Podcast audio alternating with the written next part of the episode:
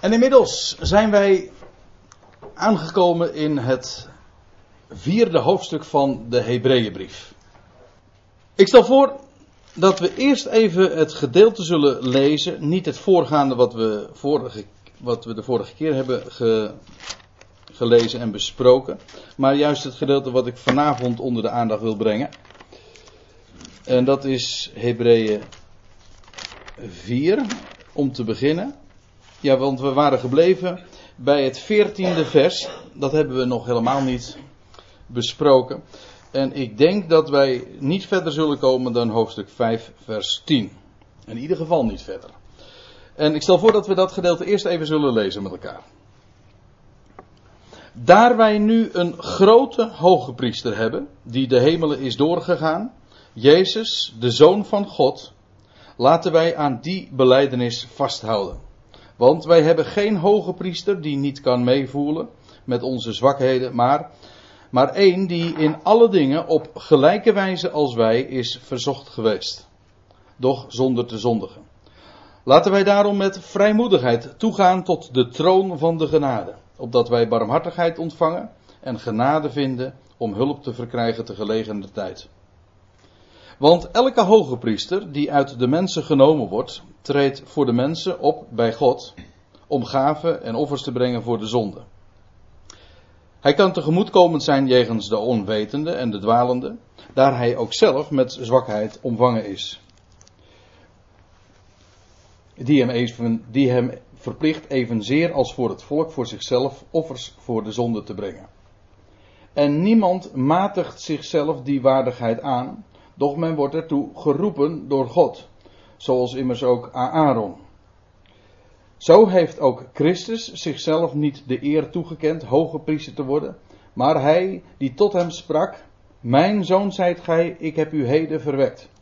Zoals hij ook op een andere plaats spreekt, gij zijt priester in eeuwigheid, naar de ordening van Melchizedek. Tijdens zijn dagen in het vlees heeft hij gebeden en smekingen onder sterk geroep en tranen geofferd aan hem, die hem uit de, doden kon, pardon, die hem uit de dood kon redden. En hij is verhoord uit zijn angst. En zo heeft hij, hoewel hij de zoon was, de gehoorzaamheid geleerd uit hetgeen hij heeft geleden. En toen hij het einde had bereikt, is hij voor allen die hem gehoorzamen een oorzaak van eeuwig heil geworden. Door God aangesproken als hoge priester naar de ordening van Melchizedek. Tot zover dan maar even dit gedeelte. En zoals dat in de MBG-bijbel althans ook wordt aangegeven, is dit ook een aaneengesloten gedeelte. Er staat boven, in mijn bijbeltje althans, Jezus als hoge priester. En of dat een erg treffende omschrijving is of beschrijving is van dit gedeelte, dat staat te bezien. Want feitelijk gaat het ook in de navolgende hoofdstukken, hoofdstuk 6 nou, en vooral hoofdstuk 7, eveneens over Jezus Christus als hoge priester. Maar goed. Laten we eerst even, uh, om de draad weer helemaal goed op te kunnen, uh, op te kunnen pakken, bij het even de, een totaal overzicht geven van waar we het ook alweer over hadden. Even kort weg, Hebreeën 1. Dat is het hoofdstuk waarbij beschreven wordt dat de zoon hoger is dan de engelen. En in de praktijk betekent dat, en dat wordt ook in dat hoofdstuk dus uiteengezet, dat hij dus ook alle godsverschijningen van het Oude Testament overtreft. God verscheen in het Oude Testament altijd via engelen. De wet werd op de Sinaï ook gegeven via engelen. Wel, de zoon is hoger dan de engelen en daarmee overtreft hij dus het Oude Testament. Dat is Hebreeën 1. Dan krijg je Hebreeën 2. De zoon is hoger dan Adam, de Ben-Adam. Een grote rol speelt in dat hoofdstuk, Psalm 8, waarin dat ook zo gezegd wordt. Een profetische psalm waar Jezus Christus wordt voorgesteld als de zoon van Adam, Ben-Adam.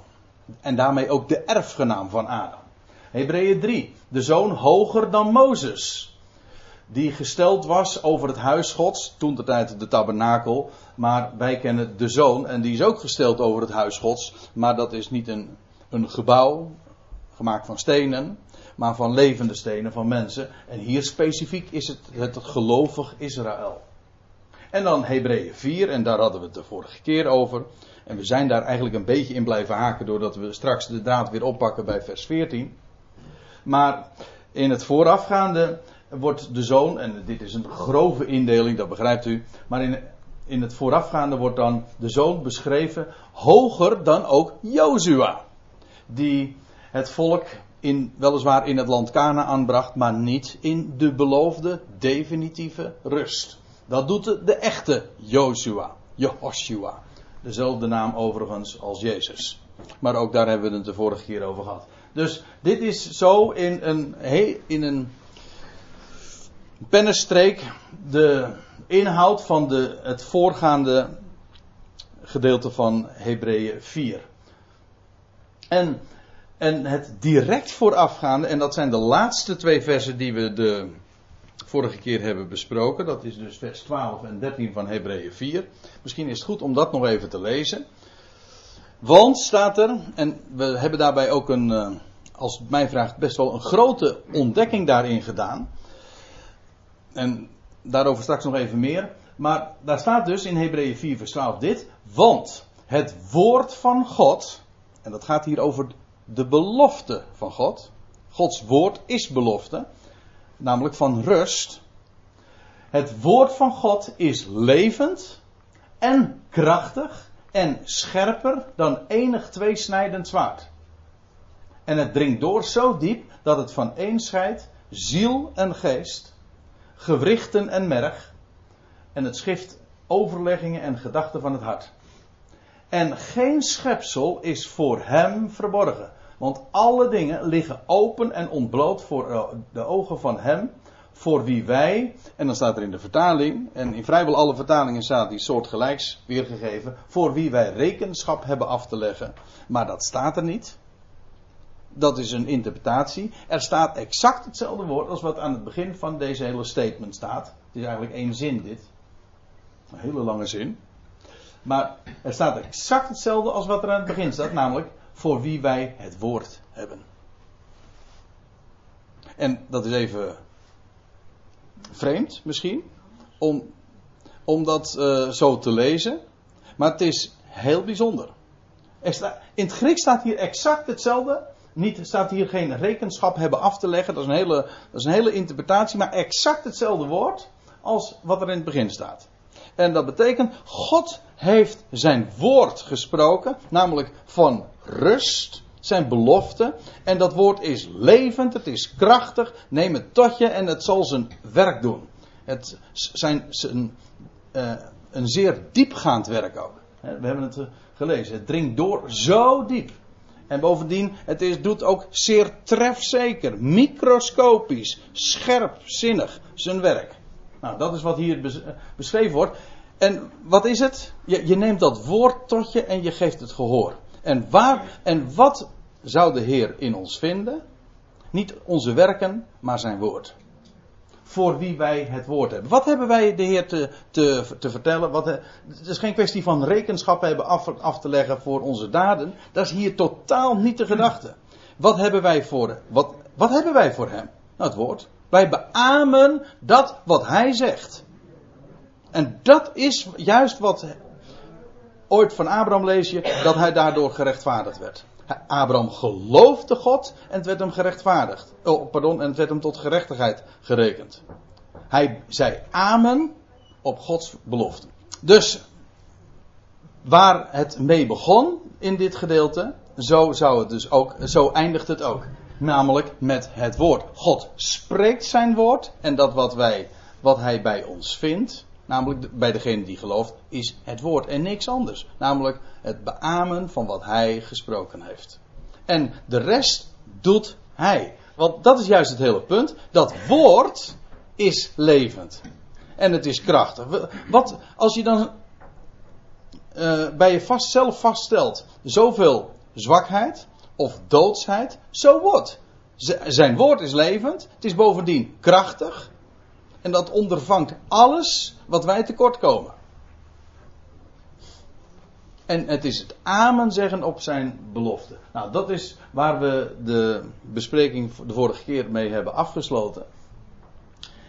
En dat betekent dus dat alles van hem afhangt. En dat is precies ook de strekking van heel Hebreeën 4. Het gaat, in, in mijn Bijbeltje staat er ook boven, de rust die God geeft. Daar gaat het over. En de rust die hij geeft is zijn woord, zijn belofte. Daarin kunnen we steunen. Hoezo rekenschap afleggen? Nee, het is het woord dat wij voor hem hebben. Akkoord. Nou, dan pakken we nu de draad op bij vers 14. En beginnen we de eigenlijke bespreking. We, lezen daar, daar wij nu een grote hoge priester hebben. Wij. Ik herinner er maar weer eventjes aan. Dat zal ik altijd doen. In deze avonden. En, ik, uh, en dat doe ik bij deze dan ook maar weer. Wie zijn die wij? Dat zijn Hebreeën. Het Israël Gods. En hoezeer er ook uh, het ook van toepassing is op ons, op, in veel opzichten, dat is allemaal tot je dienst.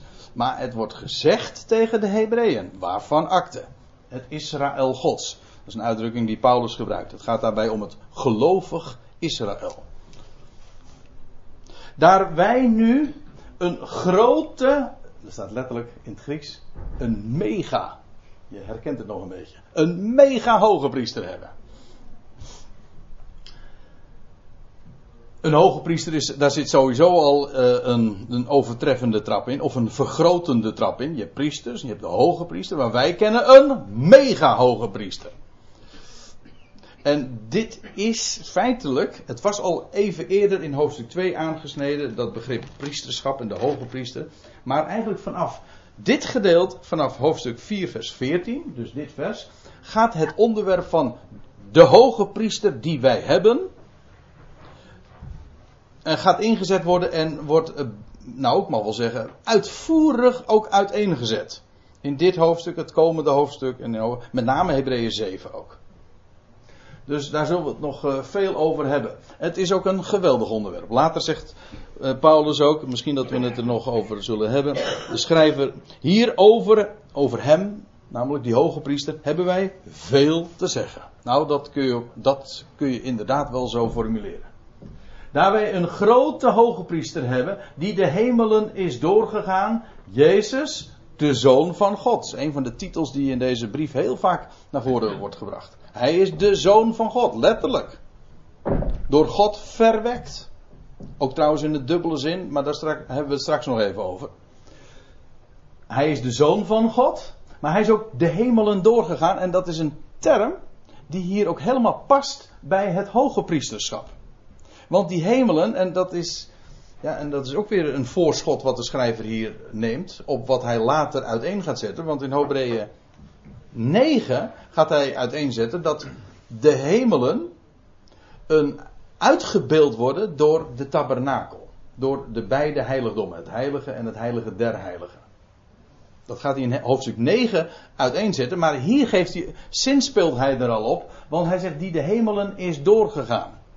Hoezo? Nou, moet zich even voorstellen. Wat doet een hoge priester? Die gaat het heiligdom in. En ja, dan begin je, die begint dan hier en dan onttrekt hij zich aan het oog. Maar, en dan gaat hij vervolgens, en dan heb ik het nu vooral over op de grote verzoendag. Elke dag ging de hoge priester in dit heiligdom, maar eens in het jaar in het achterste gedeelte. In dit plaatje, u begrijpt u, zijn de gordijnen eventjes opzij geschoven van de tabernakel. En zodat, zodat je een inkijk hebt van wat er daarbinnen zich bevindt. De, de kandelaar, het reukofferaltaar, nee, het reukofferaltaar, de tafel van de toonbroden. En hier dan in het achterste, in het binnenste heiligdom, de ark van het verbond. Maar goed, hij ging dus met recht de heiligdommen door. Maar hier wordt gezegd van de Heer Jezus, hij is de hemelen doorgegaan, maar dat, is, dat zijn begrippen die parallel lopen, want het een is een beeld van het ander. Kijk, hij bracht het offer, namelijk zichzelf. Ook dat is een onderwerp, wat, dat, dat is pas Hebreeën 10, waarin dat uiteengezet wordt, dat hij het ware offer is. Maar hij bracht het offer, en dat is hier, bij, pardon, uh, hier, het brandofferaltaar. Hier werd een dier geslacht. Vervolgens, na de slachting, kwam het op het, offer, eh, op, pardon, op het eh, altaar terecht en steeg het op, goden tot een liefelijke reuk. Een beeld van zijn sterven en van zijn opstanding en van zijn hemelvaart en alles wat daarbij hoort. Ik zeg dat er maar even bij, want meestal zegt men, ja, die offers, dat staat allemaal op het sterven van Jezus. Nou, dat kun je wel vergeten hoor. Dan moet het offer nog beginnen. Sterven, dat slaat op het, de, slag, nee, de slachting van een dier, dat verwijst naar het sterven van Jezus. Maar alles wat daarna uh, plaatsvond, bij, bij de offerdienst, en uh, het brengen op die verhoging, op het altaar en het opstijgen tot God, dat is een beeld van zijn opstanding. Maar goed, dat is hier. Dat vindt niet plaats in het heiligdom, maar daarbuiten. Een beeld van de aarde trouwens. En dan vervolgens ging hij het voorhangsel voorbij. Nou, dan werd, hij ook werd de hoge priester letterlijk onzichtbaar. Dan zag men hem niet. Hij deed trouwens dan nog wel van zich horen, maar dat had dan weer te maken met de belletjes aan, zijn, uh, aan de zomen van zijn kleed. Maar hij werd, hij werd niet meer gezien. Dus hij ging dan het voorhangsel voorbij. Dat is de positie van Christus vandaag. Ook dat is een belangrijk thema. Wat nog al aan de orde gekomen is. Maar vooral nog aan de orde moet komen. Christus vandaag in het heiligdom. Daar is hij. Ontrokken aan het oog. Achter het voorhangsel. Maar niettemin, daar doet hij belangrijk werk. Of daar is hij met belangrijke dingen bezig. Of het werk is, dat is een andere vraag. Maar in elk geval, uh, achter het voorhangsel. Hij ging vervolgens door de beide heiligdommen, dat wil zeggen de hemelen door, en hij naderde tot het binnenste, namelijk de troon van God. En dat is een van de, de termen die, nou, heel wat keren in deze Hebreeënbrief naar voren gebracht worden. Namelijk dat Jezus Christus is gezeten op de troon, of aan de rechterzijde van de troon Gods. En, dus, en het hele idee is, die, die ark, dat is een uitbeelding van de troon van God. Ik geloof dat, er, dat ik straks nog op een dia dat ook nog even laat zien. Ja, ik weet het zeker. Dus dat laat ik nu even voor wat het is. Die troon, dat zeg ik nu alvast even. Die, de troon van God wordt uitgebeeld in die ark. Zo dat als hier staat, wij hebben een, een mega hoge priester die de hemelen is doorgegaan, dan vindt dat een par, perfecte parallel ook in, de, in het Oude Testament al over van de hoge priester die het heiligdom inging en zo de heiligdommen inging, let op het meervoud. De hemelen. Niet de hemel, maar de hemelen. Er zijn er meerdere. In ieder geval drie. De derde hemel, daar spreekt Paulus ook over. En, zegt hij dan, uh, laten wij aan die beleidenis vasthouden. In, uh, ik ben we zijn nu in een kerkelijke omgeving. En dan is het heel erg gebruikelijk om dat te zeggen. Laten we aan de beleidenis vasthouden. Maar als de schrijver van de Hebreeënbrief dat zegt, dan bedoelt hij toch echt iets anders dan uh, men in kerkelijke setting. Als, als, als men het daar nou over uh, de beleidenis heeft, dan denkt men aan, aan documenten, geschriften die door mensen zijn opgesteld, afspraken of dat wat ze zeggen te geloven. En daar moet het kerkvolk zich dan aan houden. Maar dat is hier helemaal niet de gedachte. De beleidenis, dat, is niet, dat zijn geen mensenwoorden. De beleidenis, dat is het woord van God zelf. De schriften. En meer speciaal, de beleidenis van wie wij kennen. De grote hoge priester. Dus feitelijk is het, het is niet alleen het woord Gods, maar het is hem over wie het woord Gods gaat. Laten we dat vooral niet loslaten. Want dat is nou alles eh, waar het allemaal om gaat.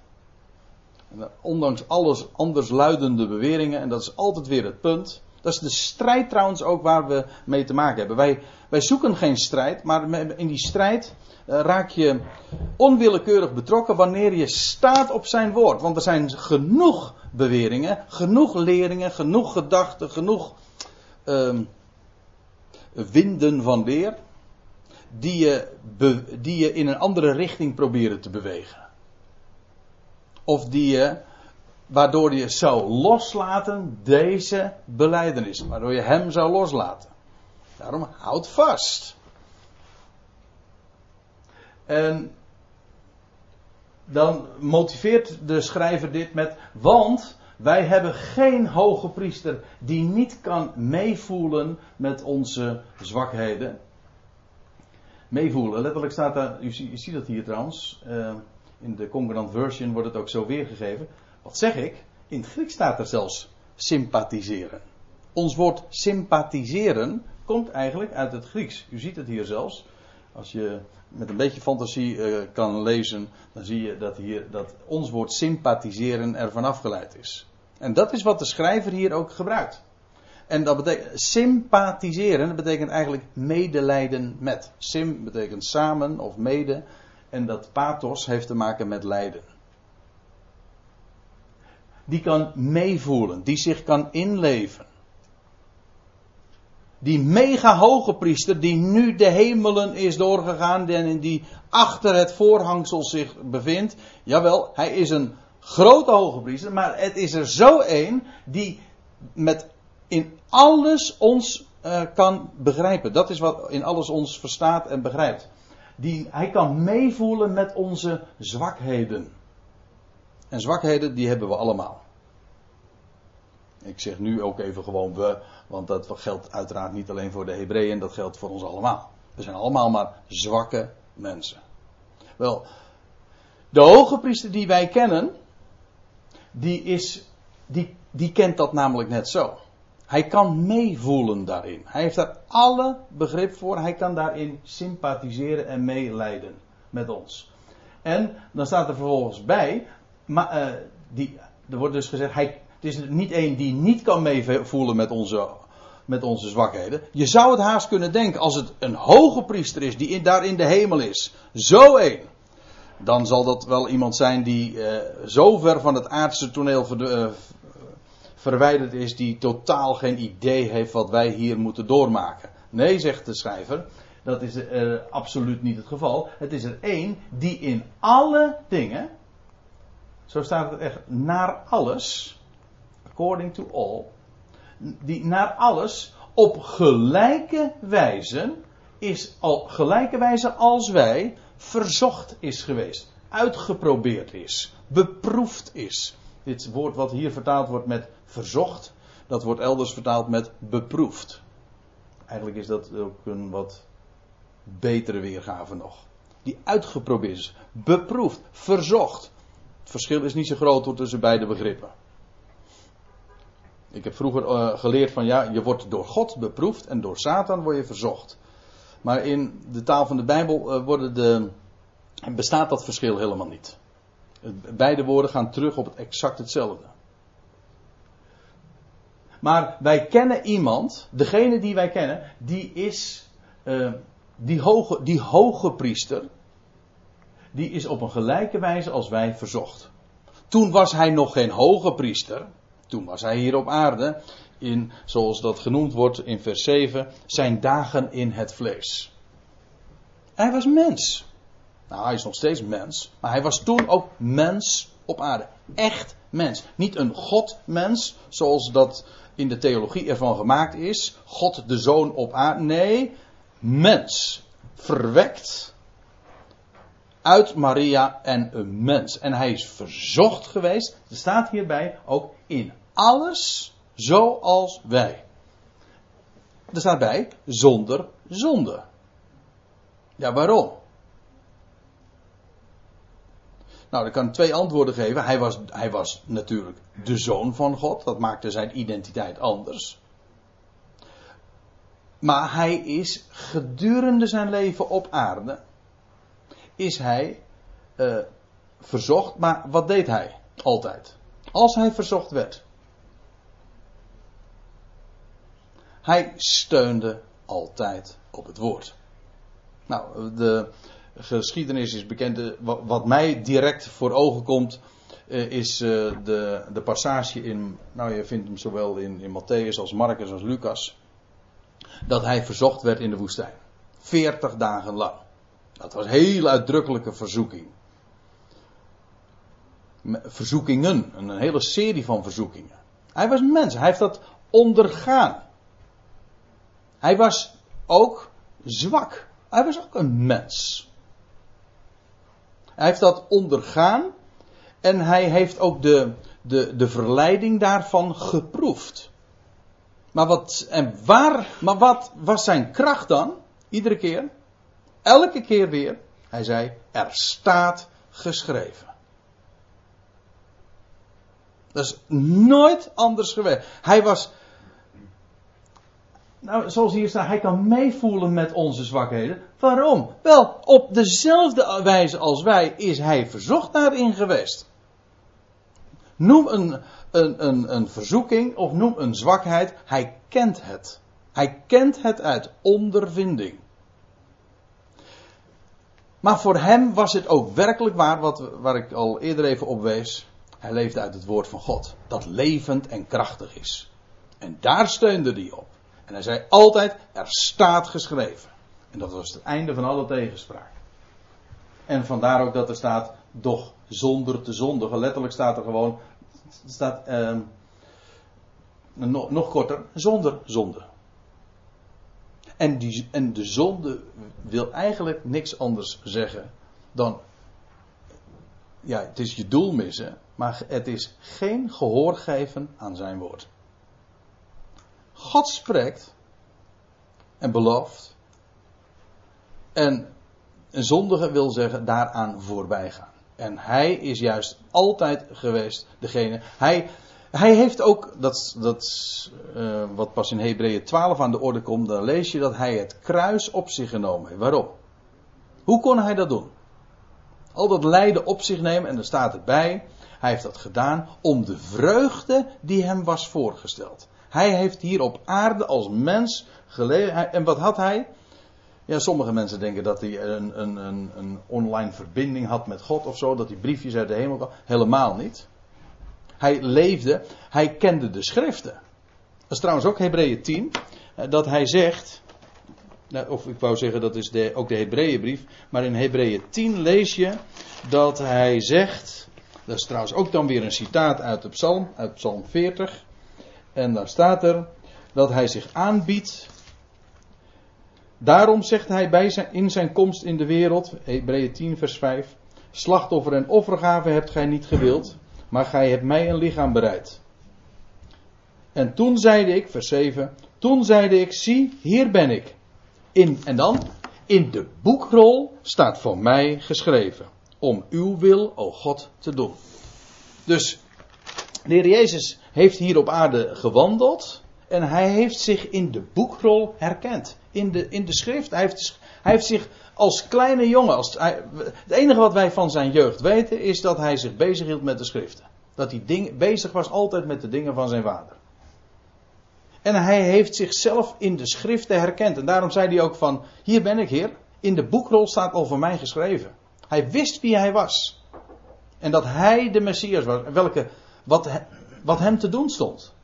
En hij is in die weg gegaan. In geloof, in overgave. Er staat geschreven. En hij wist ook waar het op uit zou lopen. En daarom staat er ook. Hij heeft dat kruis op zich genomen. Met alle moeite die hij gehad heeft. Ook daar komen we vanavond nog over te spreken. Maar toch, hij heeft dat gedaan. In de wetenschap. Dit komt allemaal goed. Vanwege de vreugde die hem was voorgesteld. Kon hij het allemaal op zich nemen. Dus. Steunend op wat er staat geschreven. En dat is ook dus zonder zonde. Maar zo'n hoge priester hebben wij dus. Dat voordat hij tot hoge priester gesteld werd, was hij hier in zijn dagen in het vlees iemand die in zwakheid was en daarom ook kan meevoelen met al die verzoekingen waar die op ons op onze weg komen en die op ons afkomen, gewoon omdat wij net zo goed mensen, stervelingen zijn, zwak. En dan, vers 16, laten wij daarom met vrijmoedigheid toegaan tot de troon van de genade. Ah, en nou, nou hebben we het toch weer even over die troon. Want als hier gesproken wordt over de troon der genade, ja, dan gaat het hier over dat wat zich in het heiligdom bevond. Waar de hoge priester eens per jaar dan inging, als die de heiligdommen doorgegaan was, dan, kwam, dan naderde hij bij die ark en dan staat er, en dat wordt de, de troon uh, genoemd. Je leest heel vaak in het uh, Oude Testament, en ik geef hier één citaat uit Psalm 80, maar het staat op heel wat meer plaatsen, dat van die ark wordt gezegd, gij die troont op de gerubs. U weet die ark? Die ark, dat is hier een, een plaatje ervan. Of het inderdaad er zo uitgezien heeft, dat is nog maar de vraag. Maar in elk geval, het is een, een, ehm, een, een voorstelling ervan. Dit is dan het, het, deksel, het verzoendeksel, waar het bloed op gesprenkeld werd. En uh, het was een kist trouwens, het was een, een houten kist. In die houten kist bevonden zich de stenen tafelen. Het tweede zet trouwens. Maar dan uh, vervolgens op die gouden plaat, op dat verzoendeksel, bevonden zich gerubs waarvan de vleugels waren uitgebreid. En dan lees je uh, dat, dat iedere keer in het Oude Testament God troonde op de gerubs. Op heel wat keren, op heel wat plaatsen. Deze is vrij bekend, het Psalm 80, vooral de, vanwege de berijmde versie daarvan. Zodat die ark dus een uitbeelding is van Gods troon. Het was ook het, het, het, hele centrum van Israëls eredienst. Je moet zich voorstellen, daar in, die, in, de, in de woestijn was Israël gegroepeerd op een hele speciale manier. Twaalf stammen, vier stammen of uh, drie stammen aan elke zijde.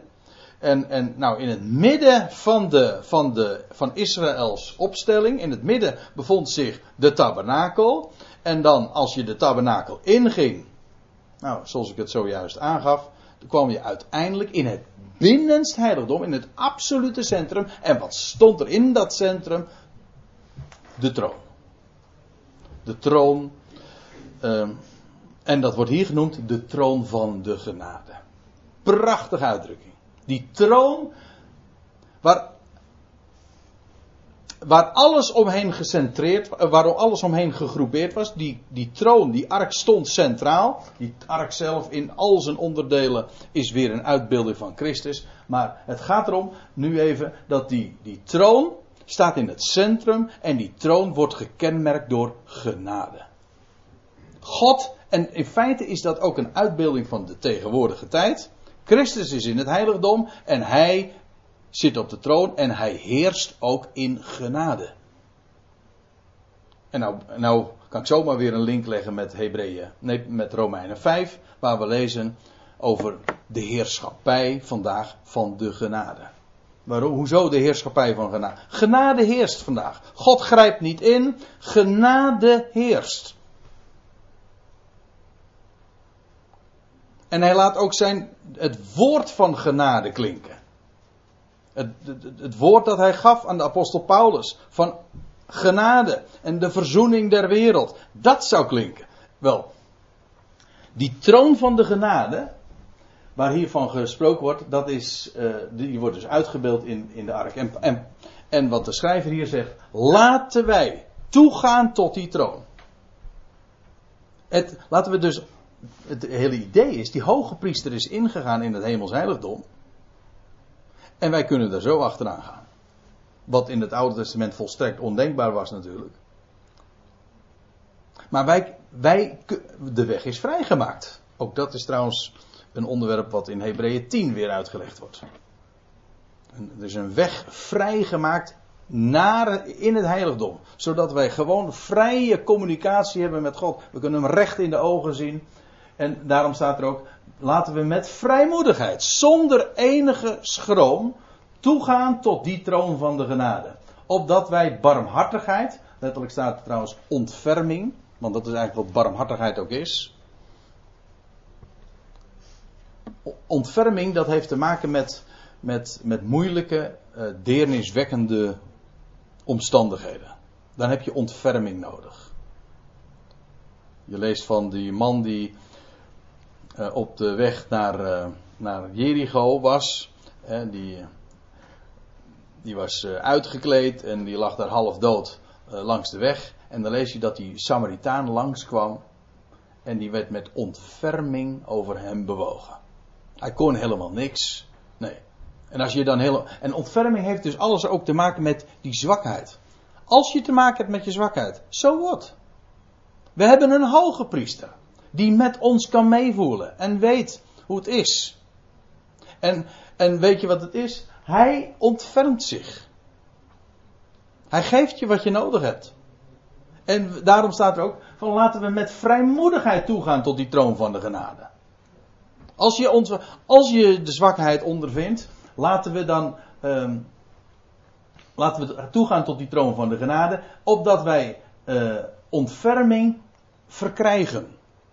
En ook zullen ja, uh, ja, verkrijgen, beleven en genade vinden. Dat is vreugde om niet. Het is een troon van genade. Dus ja, wat, wat, wat vind je bij die troon van genade? Daar vind je vreugde. Daar word je blij. En dat is, dat is trouwens op zich weer kracht. Hè? Er is geen grotere kracht dan weer hoop te krijgen.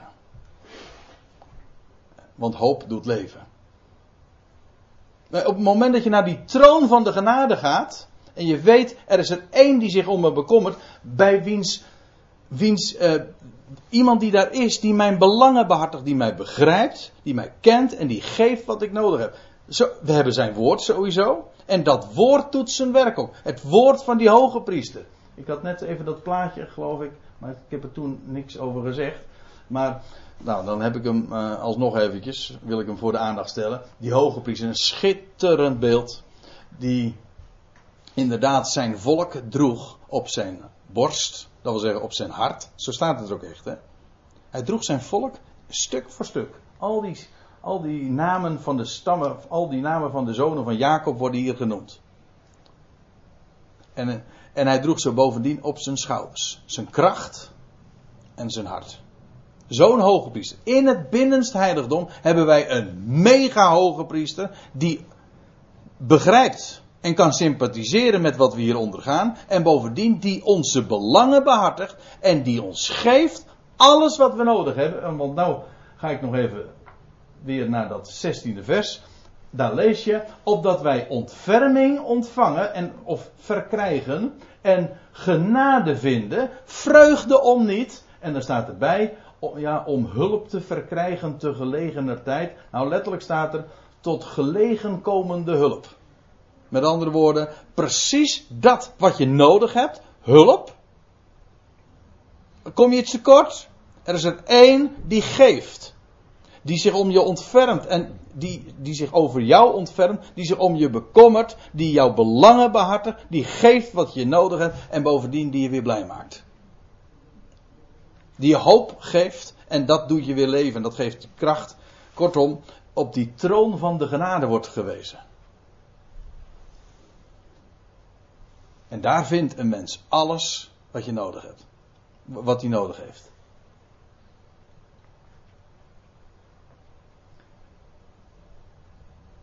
We gaan verder. Hebreeën 5, vers 1. Dus, dus het volgende hoofdstuk.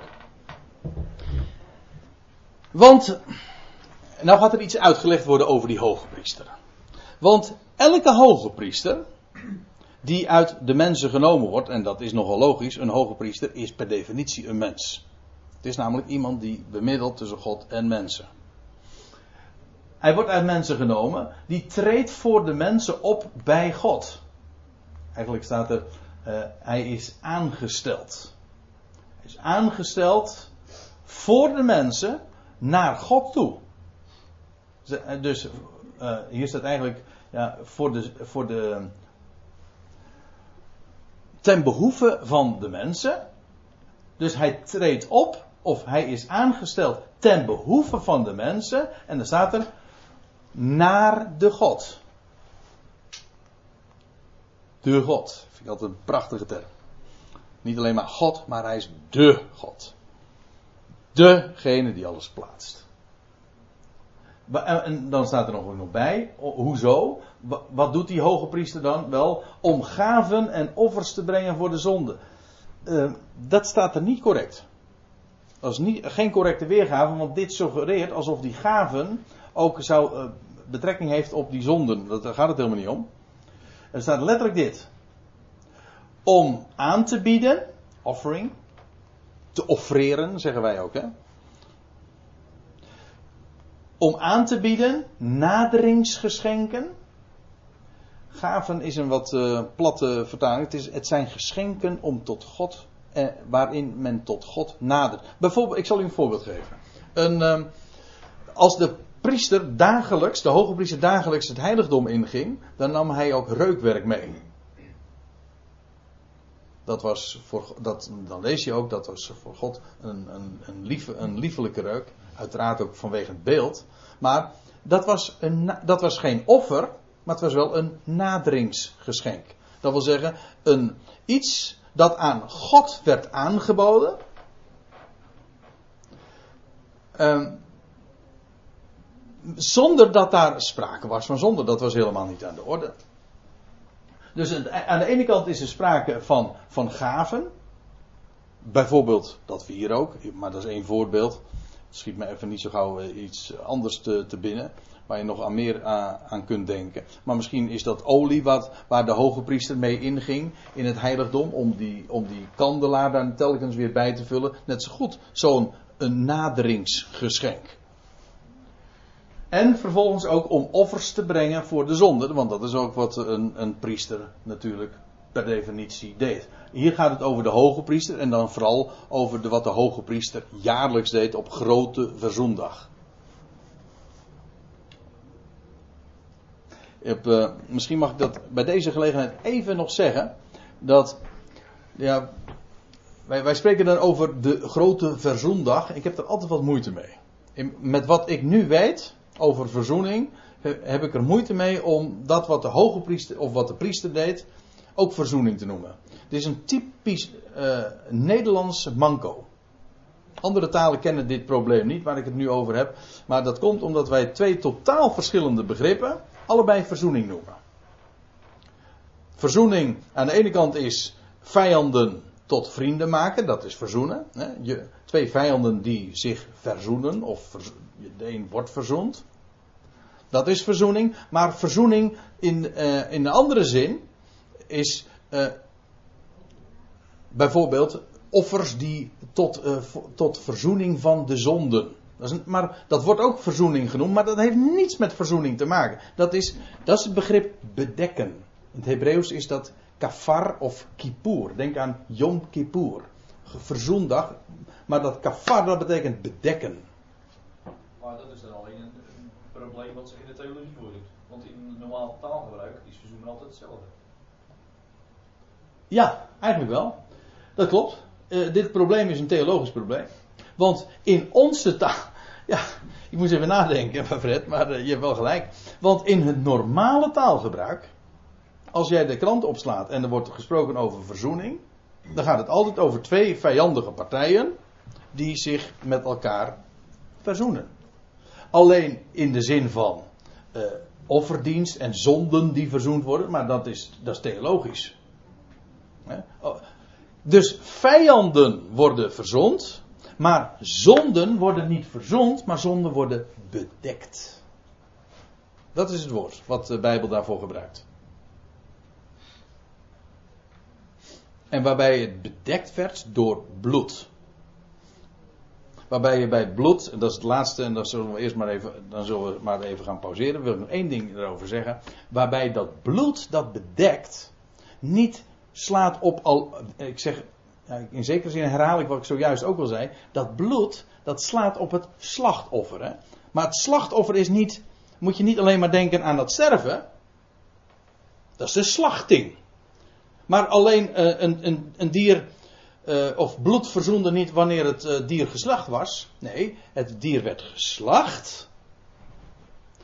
Bloed werd opgevangen. En vervolgens werd het in het heiligdom gebracht. Daarna dus. En dat was ter, niet ter verzoening, maar ter bedekking. En dat heeft dus te maken, een slachtoffer.